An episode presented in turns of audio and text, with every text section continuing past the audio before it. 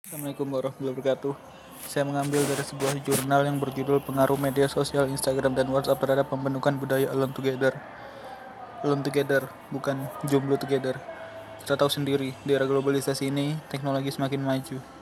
Dan media sosial seperti Instagram, WhatsApp, Facebook, Micet, eh, Line, dan lain-lainnya itu berperan besar dalam perkembangan era zaman sekarang.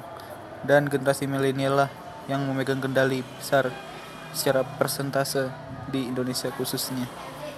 Sang peneliti menggunakan teori SOR, yakni stimulus organisme dan respon,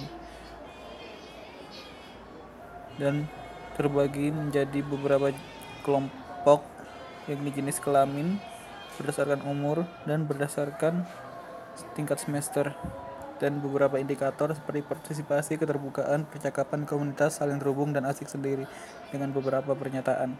Skala yang digunakan, skala yang digunakan adalah skala Likert, yakni seperti yang setuju tidak setuju kayak di Google Form itulah.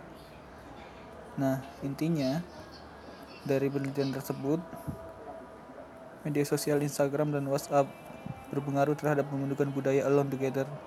Hal ini terbukti karena telah diketahui T hitung lebih besar daripada T tabel dan tingkat signifikannya lebih besar daripada 0,05 maka H0 ditolak dan HA diterima. Yang artinya media sosial Instagram dan WhatsApp memberikan pengaruh yang signifikan terhadap pembentukan budaya alone together. Sekian terima kasih